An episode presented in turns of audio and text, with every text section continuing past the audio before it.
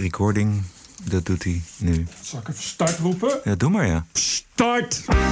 This is the TPO podcast. Lekkages en oorlog oprecht. Wat ik zo naar vind en zo kwalijk vind, is dat degene die dit hebben gelekt. Dit komt dus van Ja 21. Niet iedereen van de Partij van de Arbeid blij met Ploemen. Nou, ze heeft gewoon niet, niet de vaardigheid van een politieke leider. Ze doet het op zichzelf wel aardig. Maar zo zijn er wel meer die het aardig doen. En impeachment tegen Trump weer mislukt. The president. Impeachment only operates if you're in office. It doesn't operate once you've left. Aflevering 226. Ranting and Reason. Bert Bresson, Roderick Phalo. This is the award-winning TPO podcast. Op vrijdagochtend, 12 februari, Amsterdam zonnig, min 3.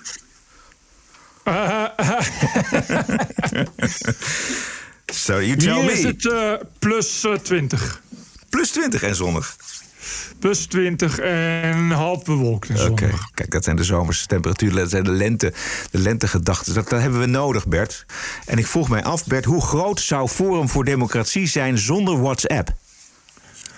Eh, groter dan nu, denk ik. Wat moet je er nog van zeggen? Weet je, het is zo treurig dat, eh, dat het, ja, je kan net zo goed alle hoop opgeven. Ik, ik, ik bedoel, eh, ik vind niet eens, weet je, zelfs al was het zo. eh, dat het grappig was bedoeld of ironisch en kroegpraat, dat zal allemaal wel. Maar een beetje professionele politicus snapt dat je dat niet moet doen in een, in een groepsapp.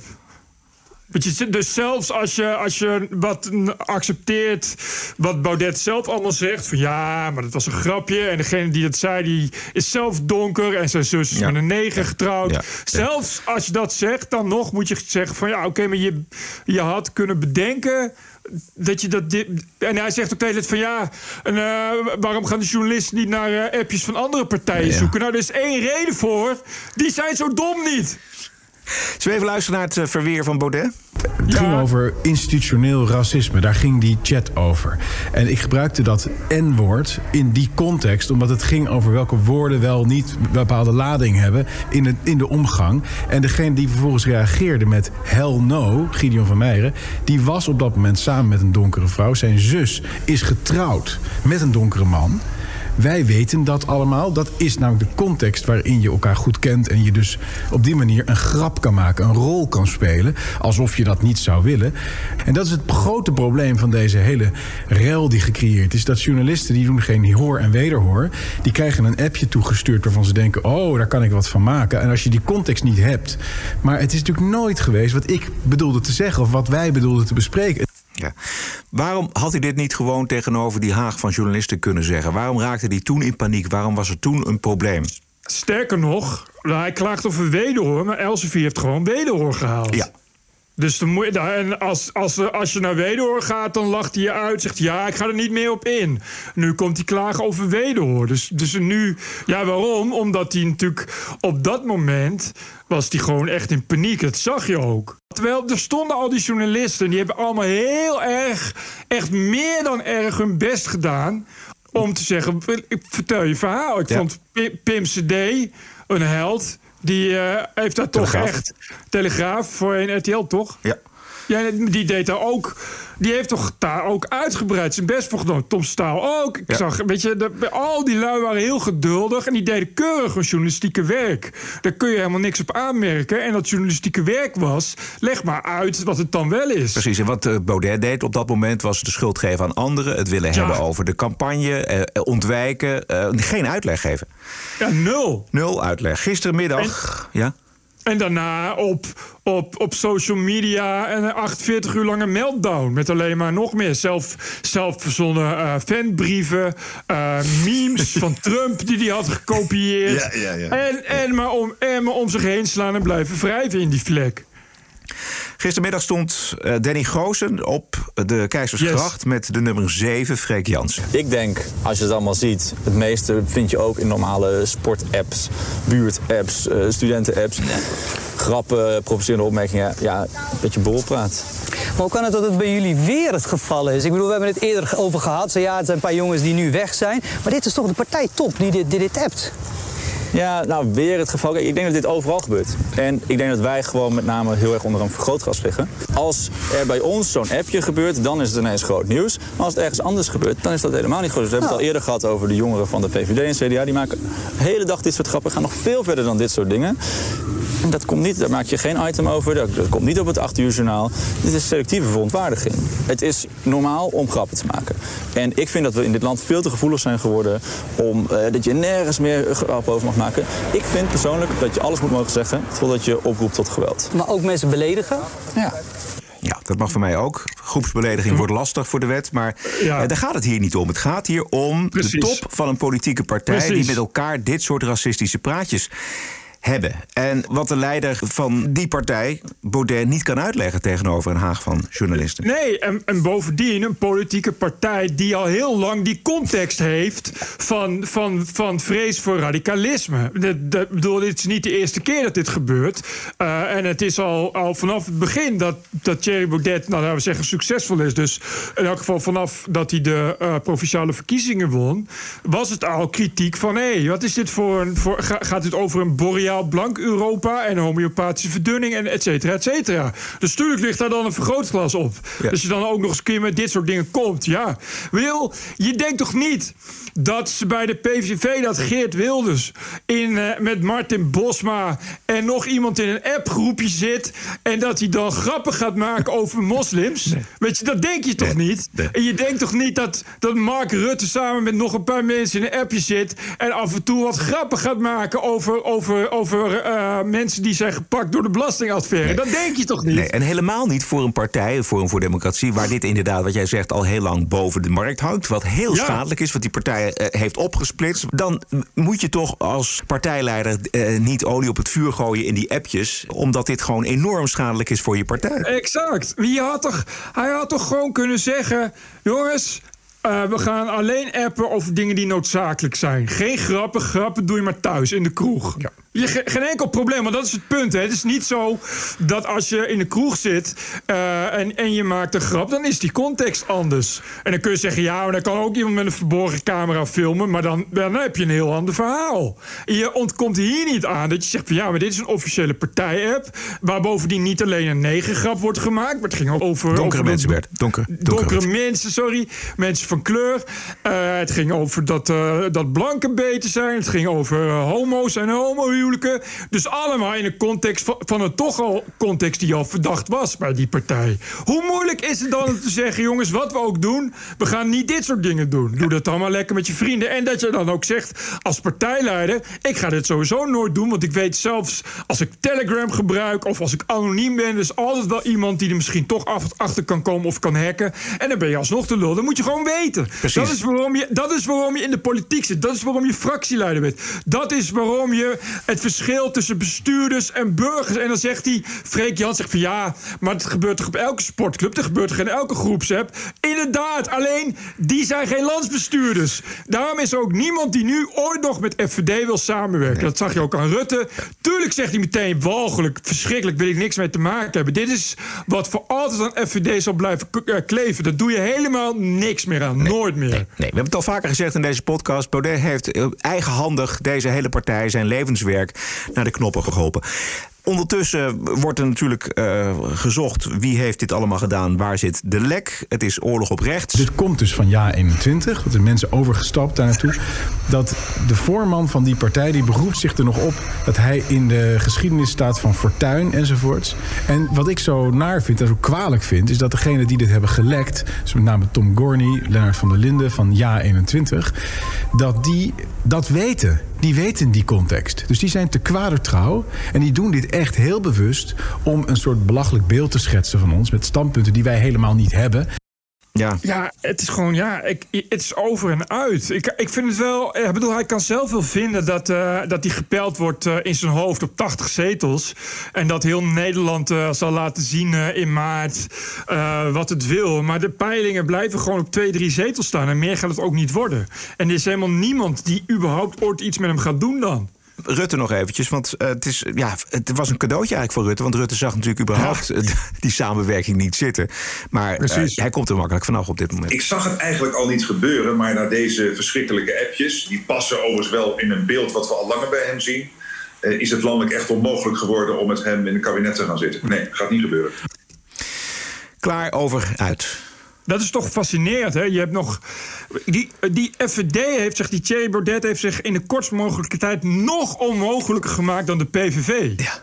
Ja. Ik, ik bedoel, Ja, ja. Dat, is dus, dat is dus ook echt het punt. En die PVV in elk geval, die Geert Wilders... Ik bedoel, we hoeven niet over alle PVV's te hebben... want dan krijg je weer brievenbusplassen zo. Maar die Geert Wilders is vanaf het begin af aan altijd exact geweest... wat hij wel en niet zegt. Die heeft altijd over de islam. En dan zeg je van, oh, schande, en de racisme. Zegt nee, nee, is islam, niet moslims. Hij heeft natuurlijk die misstap gegaan met Marokkanen. Maar dat was ook weer hè, criminele Marokkanen. Een context die eh, eh, iedereen, iedereen begrijpt. Maar wat ik zeg... Bij Ge- Geert Wilders zul je nooit betrappen op, op, op, op serieus racisme. Zul je nooit betrappen op, op, op de gedachte... wil hij nou eigenlijk stiekem gewoon een blank Nederland? Ja. Weet je, vindt die, vindt, die andere, vindt die andere mensen stiekem minderwaardig? Gewoon nooit. Is het, is het een antidemocraat? Dat, ga- dat ga je niet lukken. Dus die, die, die Baudet heeft het echt van begin tot eind... gewoon volkomen verprutst. Maar echt volledig verprutst. Is the TPO podcast. Voor de Radio 1-luisteraars van deze wereld was het weer een herkenbaar opzetje. Sigrid Kaag maakt natuurlijk numeriek geen kans om de eerste vrouwelijke premier van Nederland te worden. Maar de beeldvorming daaromheen is wel iets om je over te verbijten, Bert. Want gelukkig was er eh, iemand die het idee had om een kinderboek met de titel Mama is minister-president te schrijven. En gelukkig was er ook nog een gaatje bij Radio 1. Toen Sigrid Kaag lijsttrekker werd van D66... zat Marieke Visser zich te verbijten voor de televisie. Niet natuurlijk omdat er een vrouw aan het roer kwam bij die partij... maar om de beeldvorming rondom de vrouwelijke lijsttrekker. En dat moest voor haar dochtertje van zeven anders worden... en ze besloot een kinderboek te schrijven met de titel... Mijn mama is minister-president. En vandaag wordt dat boek gelanceerd. Mevrouw Visser, goedemorgen. Goedemorgen. Wat ergert u zo? Nou, dat eigenlijk vooral in de media werd ingezoomd op het feit dat zij vrouw is en eh, zich kandidaat stelde. Dus Ja, dat was Is dat de- racisme of zo? Nee, dat nu is, nou ja, dat is dat. De, de, eindelijk een vrouw als premier. Denk ik dat ze dat bedoelt. krantenkoppen waren, Ja. is Sigrid Kaag sterk genoeg om onze eerste vrouwelijke premier te worden? Of eh, Kaag twijfelde over eh, het feit, eh, kan ik wel premier worden met mijn kinderen? Wat doe ik mijn kinderen aan? Dus is niet waar. Dit is gewoon niet waar. Ik heb, ik heb gezocht op de krantenkoppen. Ik ben één krantenkop tegengekomen met... eh, kan Sigrid Kaag dit aan? En dat was een opiniestuk van een vrouw die inderdaad pakte van... ja, maar wacht eventjes. Eh, we denken onmiddellijk bij een vrouw dat ze het niet aan kan. Maar dat was een pro... Kaag stuk. Dus dat was helemaal verder geen probleem. Ik word de eerste vrouwelijke premier. Dat heeft zij zelf gelanceerd. Dus daar ligt verder helemaal geen schuld bij de media. Laten we even verder luisteren. misschien heeft ze dat soort uitspraken best gedaan hoor, in interviews. Alleen de krantenkoppen en de, mm, ja, de insteek van de artikelen waren toch heel vaak over haar vrouw zijn. Toen, toen, ik, toen, nou, toen, eigenlijk- toen Mark Rutte Geen voorbeeldvragen. ging eh, voor het premierschap, hebben we dat nooit gehoord. Van wat, is hij wel Geloof sterk niet, genoeg? nee. En Nee, nee, hoe, doet hij dat met zijn gezin? Nou ja, die, die, heeft, heeft, die die heeft geen heeft dan zin. toevallig niet, maar eh, nee, klopt. Slecht Dus ik dacht, jeetje, dat zou eigenlijk... ehm, maar ik realiseerde me ook dat ik het ook heel gaaf vond... dat het een vrouw was die zo opstond en die zich zo uitsprak. Dus toen dacht ik, ja, dit is dus blijkbaar ook hoe het werkt. Het is op dit moment Oh. nog uitzonderlijk. Maar ik zou natuurlijk eigenlijk naar een wereld toe willen... waarin het niet meer bijzonder is dat een vrouw opstaat en premier wil worden. Die wereld, die, daar leven we al een tijdje in. Want we hebben natuurlijk premier Thatcher gehad, Margaret Thatcher in, in, in het Verenigd Koninkrijk. Die was in de jaren tachtig, misschien dat eh, deze schrijfster van het kinderboek het niet weet, maar die was in Groot-Brittannië al premier. We hebben natuurlijk eh, Angela Merkel gehad en we hebben er nog een aantal gehad. Het zou hartstikke leuk zijn als Sigrid Kaag eh, de premier van Nederland wordt, als ze het de meeste mensen daarvoor kiezen en eh, D66 de grootste maakt. Maar dat gaat niet gebeuren, dus daar gaat het vooral om. En het heeft helemaal geen kwestie van dat ze het dan druk zou krijgen. Want Sigrid Kaag is een diplomaat die het al haar hele leven druk heeft. En al haar hele leven haar gezin managt tussen werk, veel werk en een familieleven. Dus dat is verder helemaal geen punt volgens mij bij Sigrid Kaag. Maar goed, eh, dit was het gesprek. Dit was een aardige aanleiding om het eens eh, te hebben over Sigrid Kaag. Die trouwens wel erg bekaaid eraf komt in de Nederlandse media. Ja. Maar nou zat er voor eh, de Radio 1-luisteraars van deze wereld... eerder bij Sven Kokkelman, oud PvdA-corrivé Bram Peper. En die had het niet zo op de nieuwe PvdA-partijleider Liliane Ploemen. Is zij dan de vrouw die die partij er weer bovenop kan brengen? Nou, dat lijkt mij niet. Nee, dat lijkt mij niet. Waarom niet? Uh, nou, ze heeft gewoon niet, niet de vaardigheid van een politieke leider. Ze doet het op zichzelf wel aardig. Maar zo zijn er wel meer die het aardig doen. Er is veel meer nodig. Maar ze is net begonnen. Partij... Wat zegt hij? Ze, ze is net begonnen. Ze is net begonnen, maar ik doe er een voorspelling. Dus, toen ze werd gevraagd hoeveel, hoeveel zetels wil je uitkomen, zei ze in de dubbele cijfers. Ze, ze zei het overigens in het Engels en daar heet het dubbel digit. Maar goed, als je van 9 naar 11 gaat, dan zit je in de dubbele cijfers. Liliane Bram een ja. soort, soort wiegel van de PvdA. Ja, dat is hij, dat is hij. Dus Liliane Ploemen is een vrouw en Sigrid Kaag is een vrouw. En uh -huh. voor de Lara Rensens van deze wereld, uh, oh, presentatrice van uh, Radio 1, is dat dus 1 plus 1 is 2. En Rensen twitterde ter promotie van het kinderboek Mama is minister de tweet... Boekentip, ook voor de Bram Pepers van deze wereld zeer geschikt. Terwijl Bram Pepers zich helemaal niet heeft uitgelaten over Kaag. Nee, terwijl ook die Bram Peper... Ik, ik snap gewoon niet hoe je hier seksisme bij had. Nee. Anders of anders dan dat je vindt dat Bram Peper dus een. Ja, uh, is natuurlijk iemand die het patriarchaat belichaamt. Maar dat is dus al een vooroordeel waar je dan van uitgaat.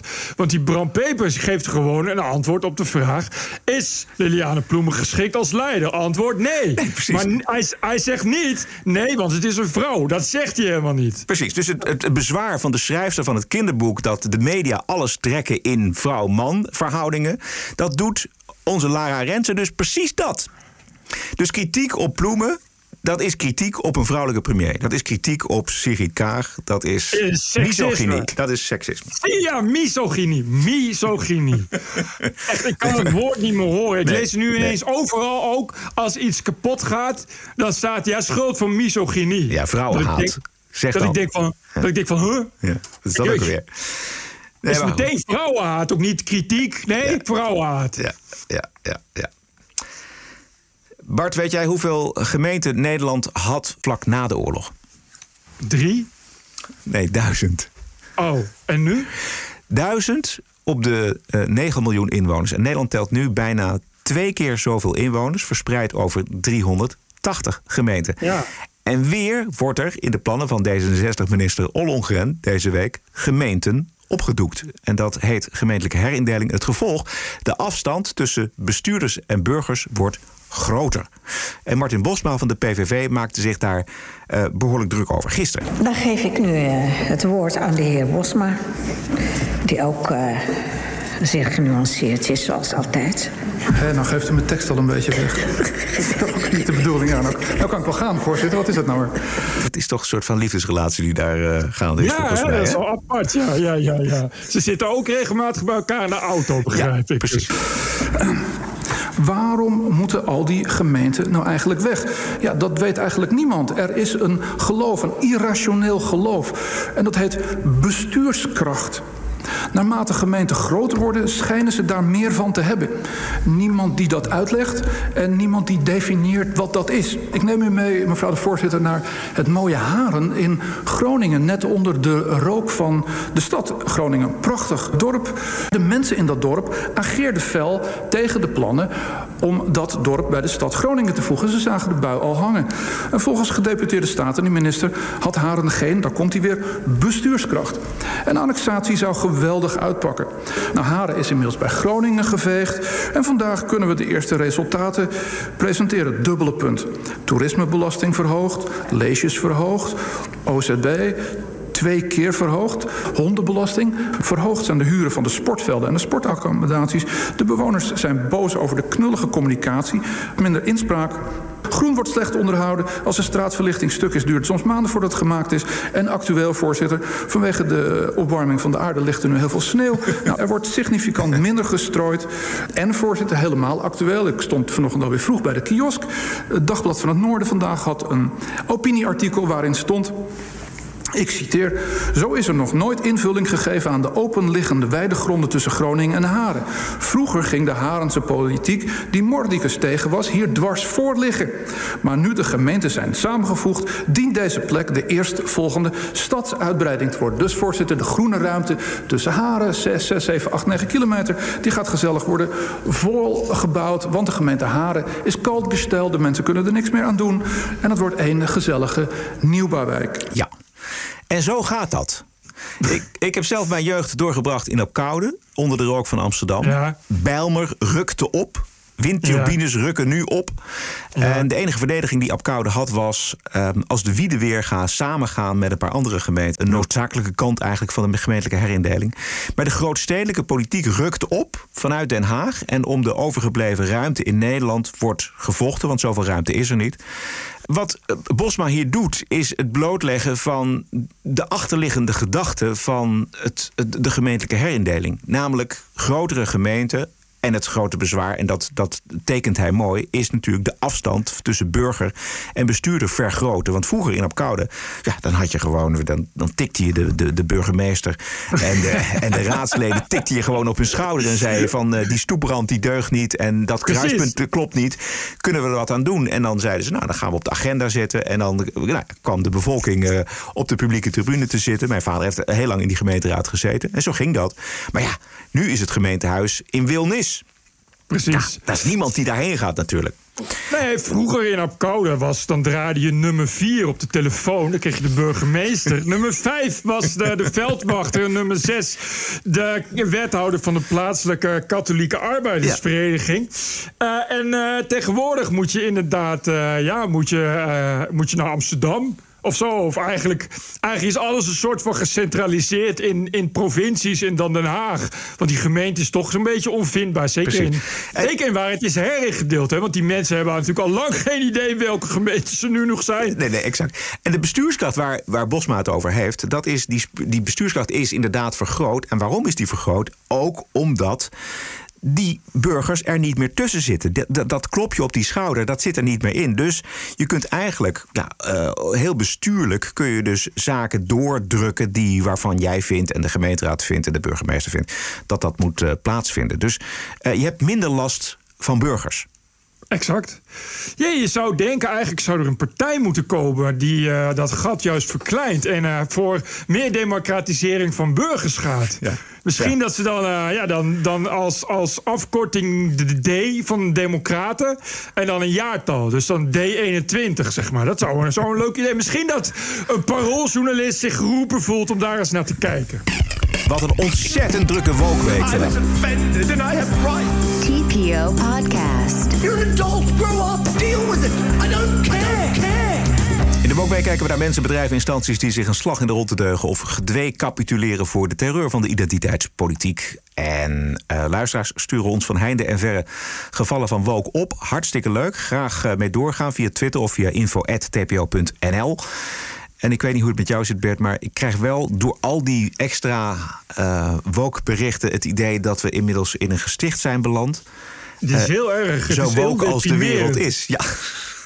Eh, het, het probleem is ook dat het echt nog veel deprimerender is dan je dacht. Dat je dacht van, oh, het is toch wel heel veel. Eh, eh, ik, dacht, ik dacht, het valt wel, eh, het valt wel mee. Eh, en als je het dan zo onder elkaar ziet, dan denk je, oh.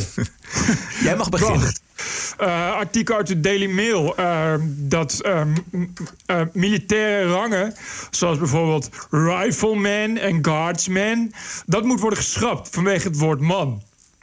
Eh, ja, want het man is natuurlijk eh, seksistisch en dat is eh, pa- patriarchaal. Dat moeten we niet hebben, zeker niet in het leger. Nee. Is een en al vrouw het leger, begrijp je? Overigens is het ook al het geval in Amsterdam, waar Femke Halsema tenminste 33% brandweervrouwen wil in Amsterdam. Alleen mag je dat geen brandweervrouwen noemen, maar brandweermensen. Er zit wel een, iets positiefs aan, want die hele brandweer in Amsterdam... die is wel zo verrot als ik weet niet wat. Dat is al, eh, volgens mij dat is is het al zo, ja. tien jaar oorlog. En een beetje, eh, zeg maar, de samenstelling enigszins veranderen... dat kan nog wel eens wonderen opleveren voor die brandweer. Dus ik wou dat wel eventjes een kleine aantekening Ja, maken bij nee, maar- die vorm. Bo- Bovendien, uh, uh, er zijn voldoende, al, al, al 100 jaar zijn er voldoende vrouwen die ook brandweer zijn. Dus dat is niet eens zo heel raar. 33% lijkt me niet eens een heel groot proces, probleem. Maar dan is weer brandweer mensen. Want stel je oh, voor dat je onderscheid maakt. Dat moeten we niet willen. Voor je het weet krijg je genderneutraal kaartspel. Ja, exact, ja. Het Kennisinstituut voor Emancipatie en Vrouwengeschiedenis, ATRIA...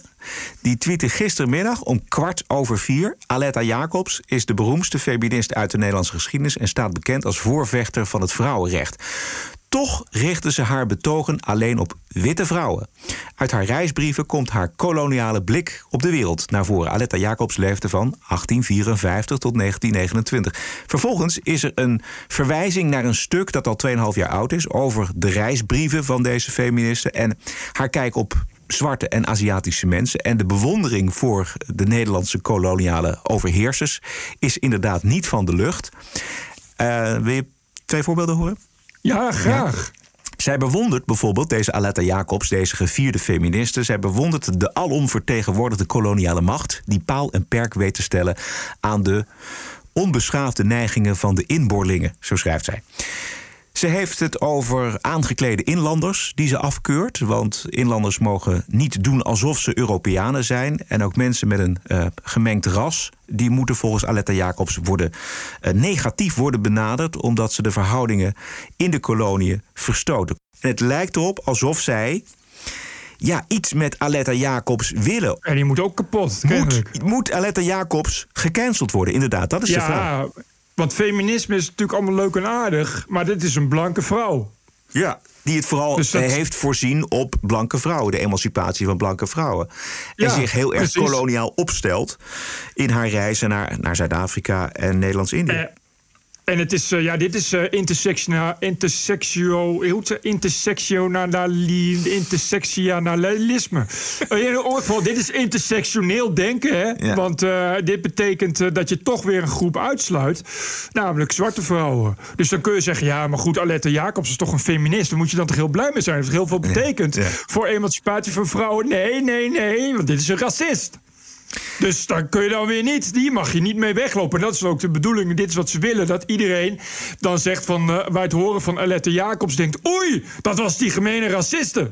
en dus niet, oh, dat is die vrouw die heel veel heeft betekend. Ja, die heeft ontzettend veel betekend. Want zij was de eerste dokter dus. Ze was uh, de eerste die gestudeerd Precies. heeft. Ze heeft uh, gewetijverd voor het vrouwenkiesrecht. Dus zij is echt ontzettend belangrijk in de Nederlandse geschiedenis. Het is een beetje zoals je afgelopen week ook op een school in Groot-Brittannië... de, de naam van Winston Churchill niet meer aan verbonden wil hebben aan, aan die school.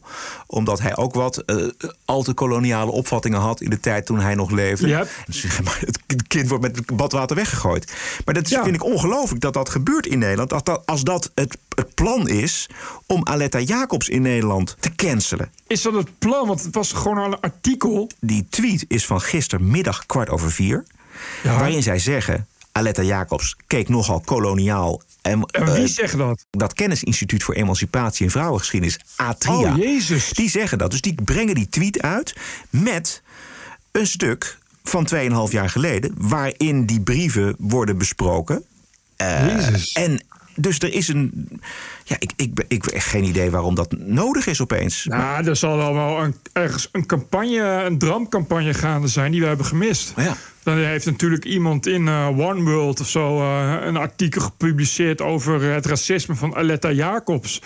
Je weet hoe dat gaat. En dan uh, is zo'n kennisinstituut natuurlijk meteen in de war en in paniek.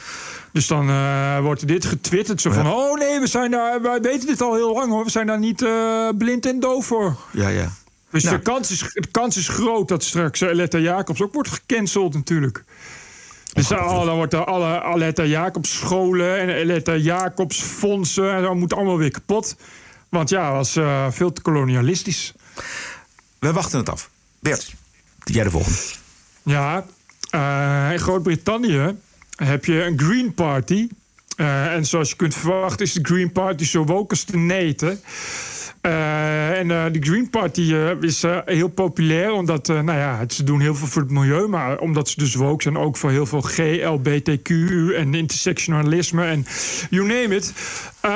nu is er een nieuwe, een nieuwe, nieuwe eh, campaigner, dus eh, iemand die de campagne leidt, eh, is, is genoemd tot hoofd van de vrouwenafdeling.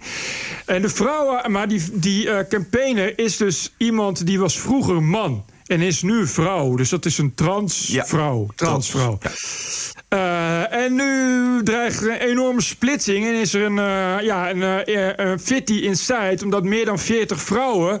die zijn boos weggelopen. Want die vinden dat transvrouwen helemaal geen vrouw is. Eh, en anderen vinden dat transvrouwen juist wel vrouw zijn. Veel meer dan dat gewone vrouwen vrouw zijn. Eh, want dat is natuurlijk heel woke. En er is ook nog een groep die zegt van ja, allemaal leuk en aardig. Maar als we zoveel de nadruk gaan leggen op transdingen. dan overschaduwt dat on- alle onze andere dingen. Zoals onze strijd voor een beter klimaat en het milieu. Oftewel, is een, een circular firing squad is nu hevig op elkaar aan het schieten. Omdat ze er niet meer uitkomen wie precies het woke genoeg is. Ja, exact. Dit is de klassieke oorlog tussen feministen en trans mensen. Juist. Dit, dit zie je overal. Dit is vooral in Engeland inderdaad. Dit, dit, is, dit zorgt echt voor slachtoffers, jongen. Elke dag opnieuw. Dit is, eh, dit is echt een hele felle oorlog. Goed voorbeeld. De Amerikaanse actrice Gina Carano is ontslagen bij filmproductiemaatschappij Lucasfilm en Disney vanwege schandelijke uitspraak op sociale media. Actor Gina Carano was fired from her role in the breakout Star Wars series The Mandalorian over a string of controversial social media posts. A spokesperson for Walt Disney's Lucasfilm Movie Studio called her comments, quote, abhorrent and unacceptable. Carano's comments posted on Instagram included comparing the politically divisive climate in the U.S. to Nazi Germany. Ja, dan gaat elke vergelijking met de Holocaust mank. En dat leidt altijd tot eh, schaamtevolle situaties. En is heel onverstandig om dat te doen. Maar ja, de mensen doen dat nou eenmaal. Tenzij je het eh, over een andere echte genocide hebt. Maar eh, wat twitterde deze Gina Carano? Zij twitterde het volgende. Joden werden op straat mishandeld. Niet door nazi-soldaten, maar door hun buren en zelfs door kinderen. Omdat de geschiedenis is bewerkt, realiseren de meeste mensen niet dat de nazi's duizenden Joden konden aanvallen. Omdat de overheid er eerst voor zorgde dat mensen hun buren gingen haten. Enkel en alleen omdat ze Joods waren. Hoe is dat anders dan iemand haten om zijn politieke voorkeur? Dus zij maakt een vergelijking tussen republikeinen, want zij is zelf republikeins, Trump-supporters die worden aangevallen op straat en de hetze die er plaatsvindt tegen Trump-supporters en de aanval op Joden in de, in de jaren 30. Ja. Onmiddellijk wordt er dus ingegrepen door haar werkgever, door Disney. Terwijl, ja, die, die vergelijkingen die heb ik de afgelopen vier jaar voortdurend gehoord.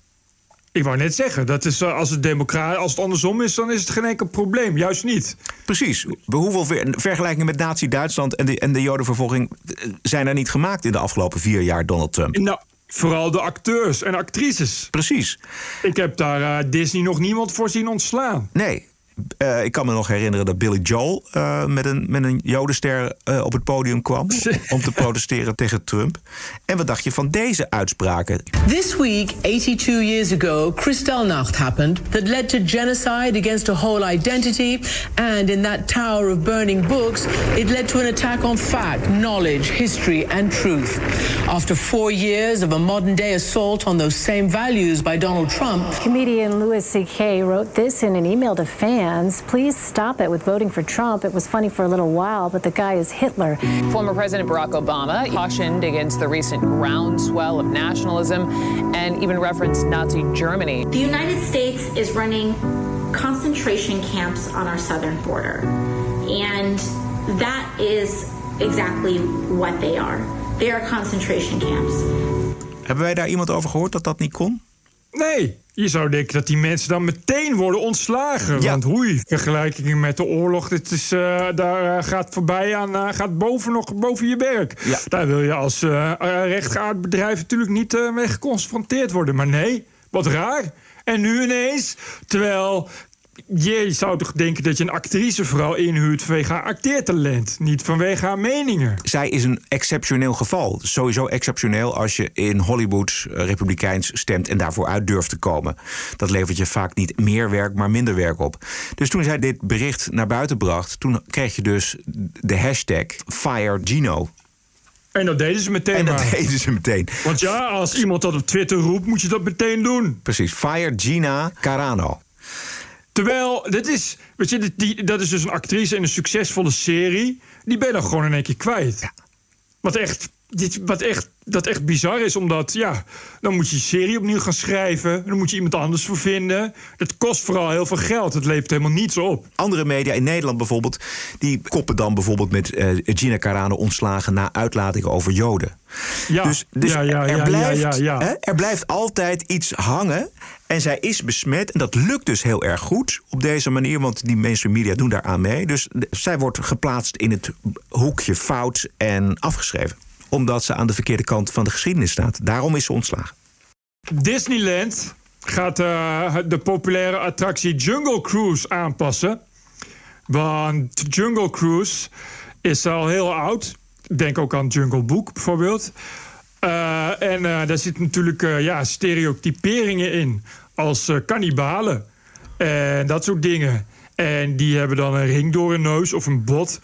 En die zijn zwart geschilderd. Dus dat mag niet. Dus nu gaat Disneyland een inclusief Jungle Cruise maken. ik heb werkelijk geen flauw idee hoe dat er dan uit komt te zien. Ik mag hopen dat ze het befaamde eh nijlpaard... Wat, wat ze al honderd jaar hebben... als een soort, als een soort antieke attractie... is een soort, soort mechanisch nijlpaard... wat dan zijn bek open doet...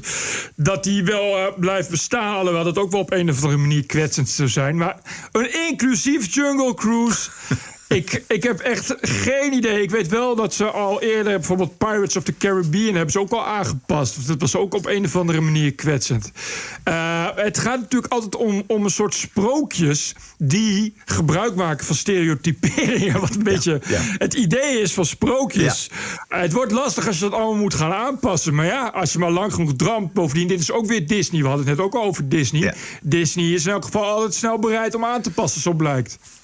Geweldig inclusief nieuws uit Groot-Brittannië. De universitaire ziekenhuizen van Brighton Ja. en Sussex die gaan gender-inclusieve taal gebruiken rondom de geboorte van baby's. Eh, bedoeld om eh, trans en niet-binaire mensen niet tegen het hoofd te stoten. En zo krijgen baby's niet langer borstvoeding, maar krijgen ze mensenmelk. En eh, ja, je weet het als, het, als de taal verandert, wie de taal heeft, die beheerst de macht over de werkelijkheid.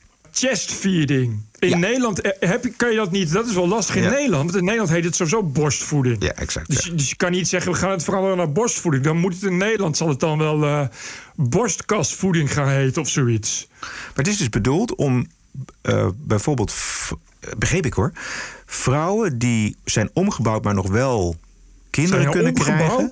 Of Zijn er opgebouwd? Ja. Het eh, moet in transitie ja, in, zijn in geweest. transitie. Maar vrouwen die in transitie zijn geweest en die toch nog een baarmoeder hebben en dus nog kinderen kunnen krijgen, maar geen borsten meer hebben, dat Ja, die dan ja, niet ja. voor het hoofd worden gestoten als zij een kind krijgt. Dat is het volgens mij. Ja. En ook de partner van, dus als een partner in trans is, dat die niet zich ge- gediscrimineerd of buitengesloten voelt als het gaat over borstvoeding, maar dat dat dan mensen, mensenmelk ja, ja, is. Ja, ja. ja. Ja, dat, dat moet ook. Mensenmelk, ik bedoel, moedermelk is natuurlijk gewoon kwetsend.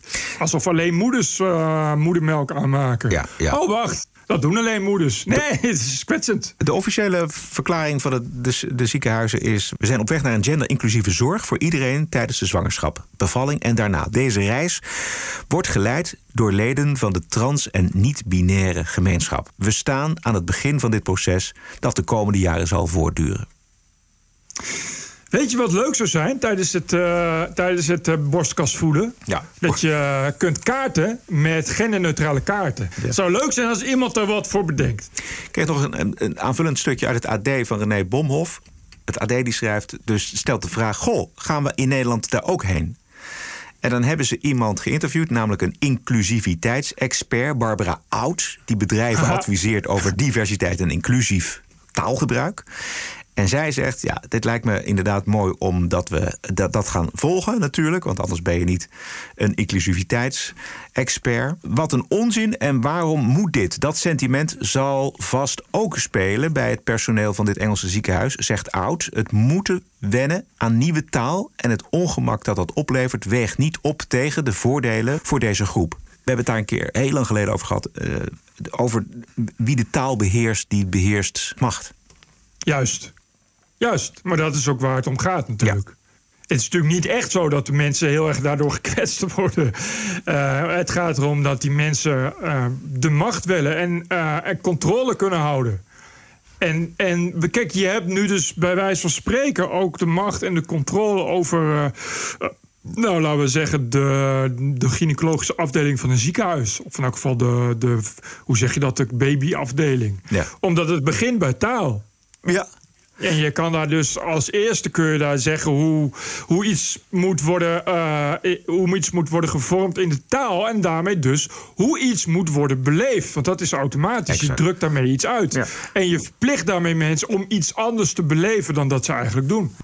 Zou je dus niet als vrouw, uh, die als, als blanke vrouw of zwarte vrouw, die heel erg trots is op haar vrouw zijn en trots op haar borsten en dat feit dat ze eindelijk moedermelk kan geven aan haar pasgeboren kind, zou je die niet heel erg kwetsen door te zeggen: ja, we noemen dat dan maar geen borstvoeding meer, maar we noemen dat mensenmelk? Ja, zeg. Uh, straks ga je nog vragen of uh, de blanke heteroseksuele man gekwetst is als Ja. hij telkens wordt gecanceld. Uh, dat is omgekeerd racisme. En omgekeerd racisme is geen racisme. Dat heet empowerment. En dat betekent dat inderdaad andere mensen, maar die mag je best kwetsen. Dat is niet erg. Die moeten namelijk kapot. Het, sowieso kunnen die niet gekwetst worden. Alleen andere mensen kunnen gekwetst worden. Jij niet, Roderick. Kwam nog een hoopvol bericht binnen vanmorgen. Stuurde jij mij op uit het Financieel Dagblad over de Belastingdienst. Ja, dat was grappig, hè?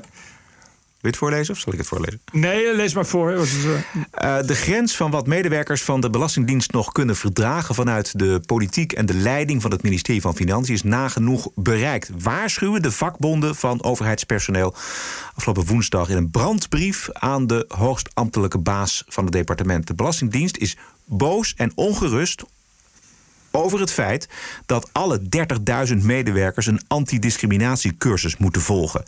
Het schetst het beeld in de publieke opinie alsof alle medewerkers van de Belastingdienst discrimineren, schrijven de vier vakbonden woensdag aan de secretaris-generaal van dat ministerie van Financiën.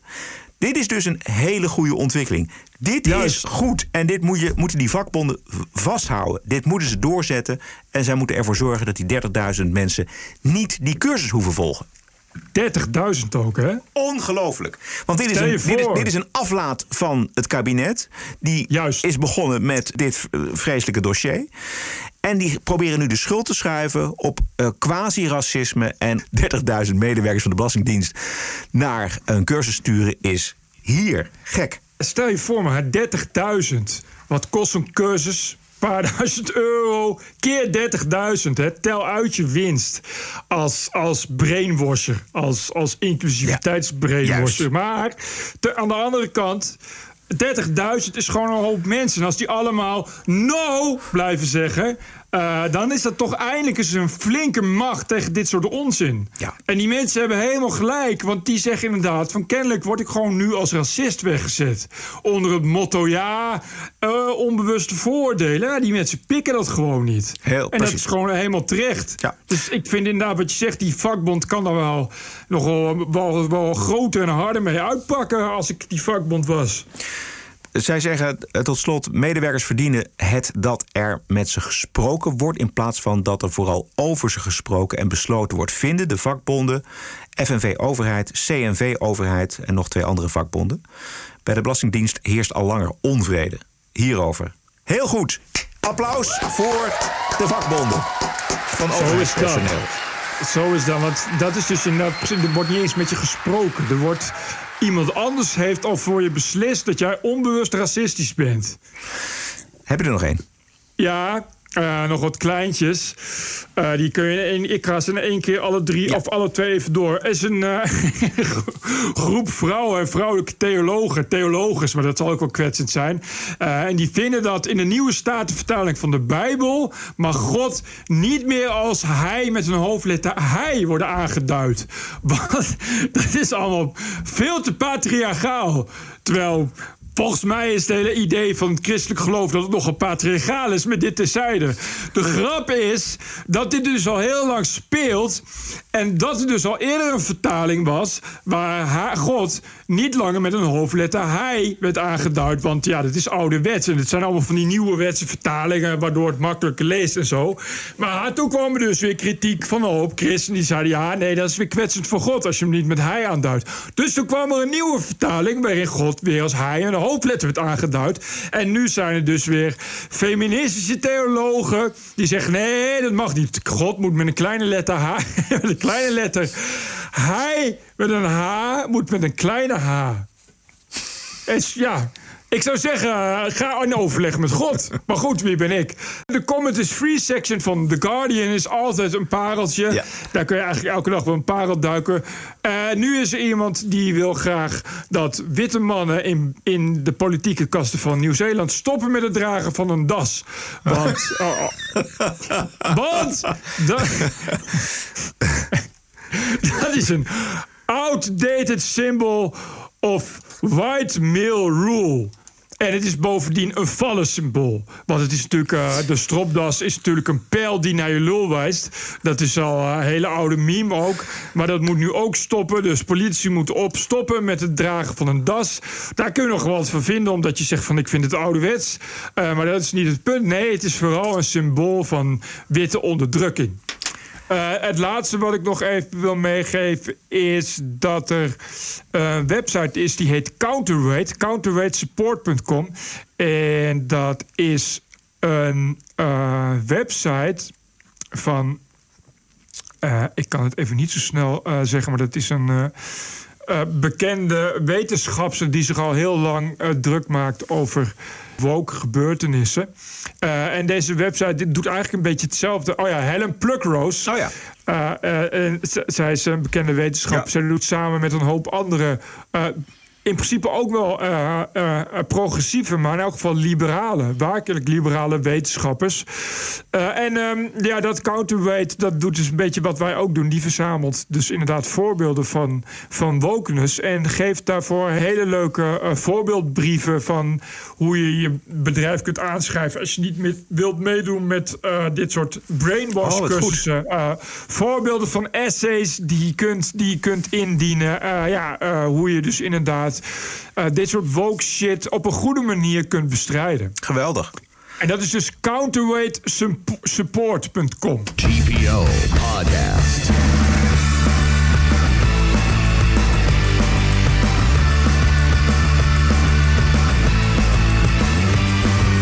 Ranting and Reason.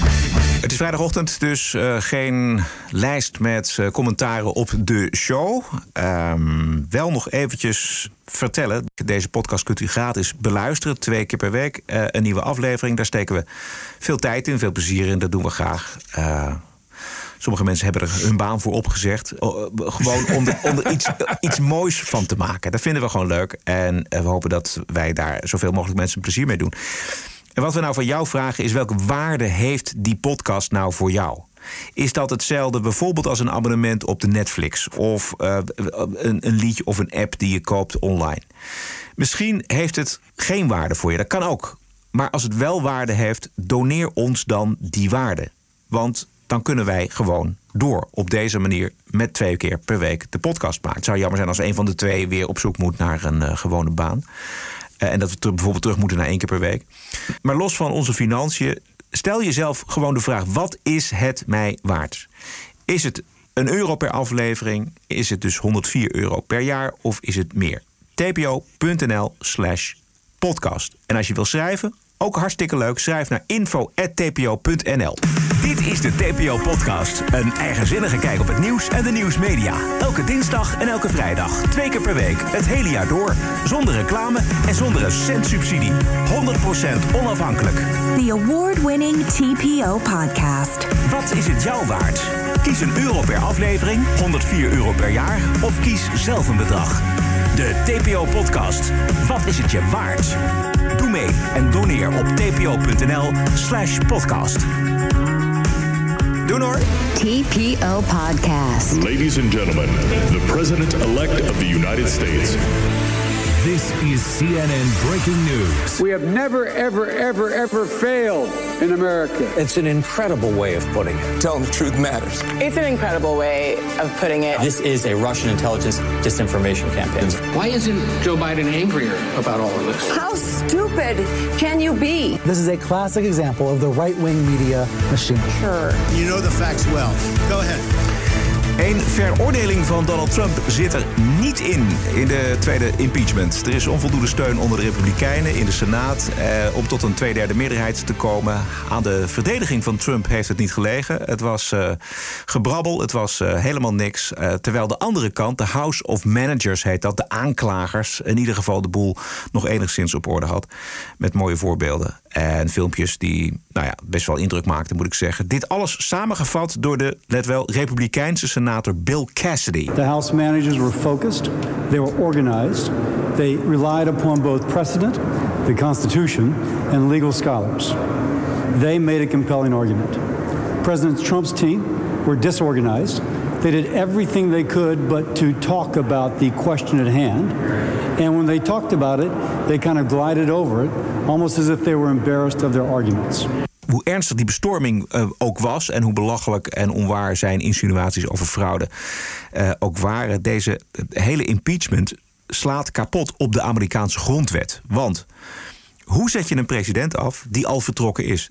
Dit is de diehard advocaat van Trump, Alan Dershowitz, in zijn eigen podcast. When a president's been removed from office, he can be investigated and indicted. The feds can investigate him if he committed any crime. There's no January exception. All we have is a provision of the Constitution which is as clear as it can be. The president, not a president, not a former president, the president and all civil officers shall be removed from office on impeachment and conviction. The president. How can it be any clearer than that? You have to be a sitting president. Impeachment only operates if you're in office. It doesn't operate once you've left. Wat ik lees in de kranten is dat het vooral de Republikeinen zijn die nu weer dwars liggen. Dus dat het weer niet tot een veroordeling komt van Trump. Maar die Republikeinen die, die zien gewoon dat het dat dit de grondwet is. Die lezen de grondwet en die zeggen: kijk eventjes, dit is wat er staat. Je kunt niet een president impeachen, beschuldigen die al vertrokken is. Daar kon je op wachten, hè? Dat was natuurlijk het hele, het hele probleem. Ze willen dat hij uh, geen president meer wordt. Maar ja, wie ga je impeachen? Een ex-president. Waar is impeachment voor bedoeld? Om een president die om een of andere redenen uh, niet meer in staat is normaal de macht te houden. Ja out of office te halen. Hij is al out of office. Hoe geldig is dan nog een impeachment? Exact. En, en je, je, kunt wel een voormalige president kun je wel onderzoeken en vervolgen. Hè, gewoon via het strafrecht, et cetera. Maar je kunt hem niet impeachen.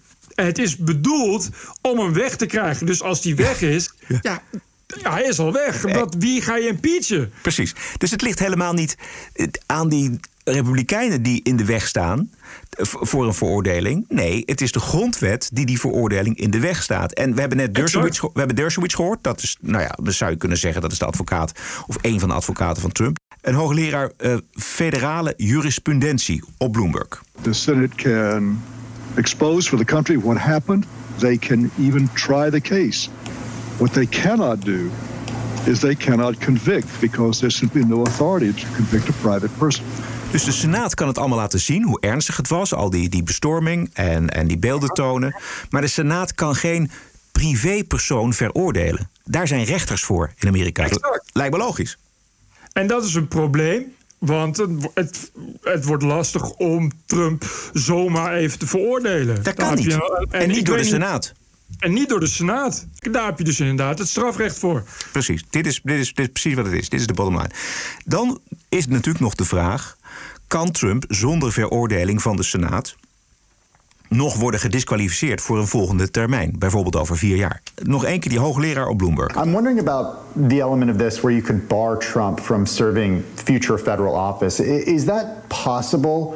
Uh, in, terms of, of what the senators can do without necessarily convicting him in the Senate? No, that's not possible. The vote to convict is a two thirds vote. The vote to disqualified as a majority vote. Uh, no, you couldn't. Uh, you couldn't simply start barring people from office by a majority vote of the Senate.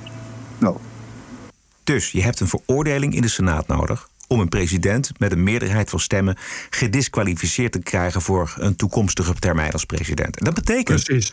dat Trump helemaal niets in de weg staat om straks opnieuw een gooi te doen naar het Witte Huis. En dat is dus een dubbele nederlaag voor de Democraten. Geen veroordeling in impeachment en geen disqualificatie. Tenzij je dus eh, Trump civiel rechtelijk gaat vervolgen voor belastingfraude, voor eh, whatever. En hij krijgt een strafblad. Ja, dan wordt het lastig om met een strafblad volgens mij president van de Verenigde Staten te worden. Nee, ja, bovendien, eh, eh, civiel krijg je weer geen strafblad. Dan moet je gewoon betalen.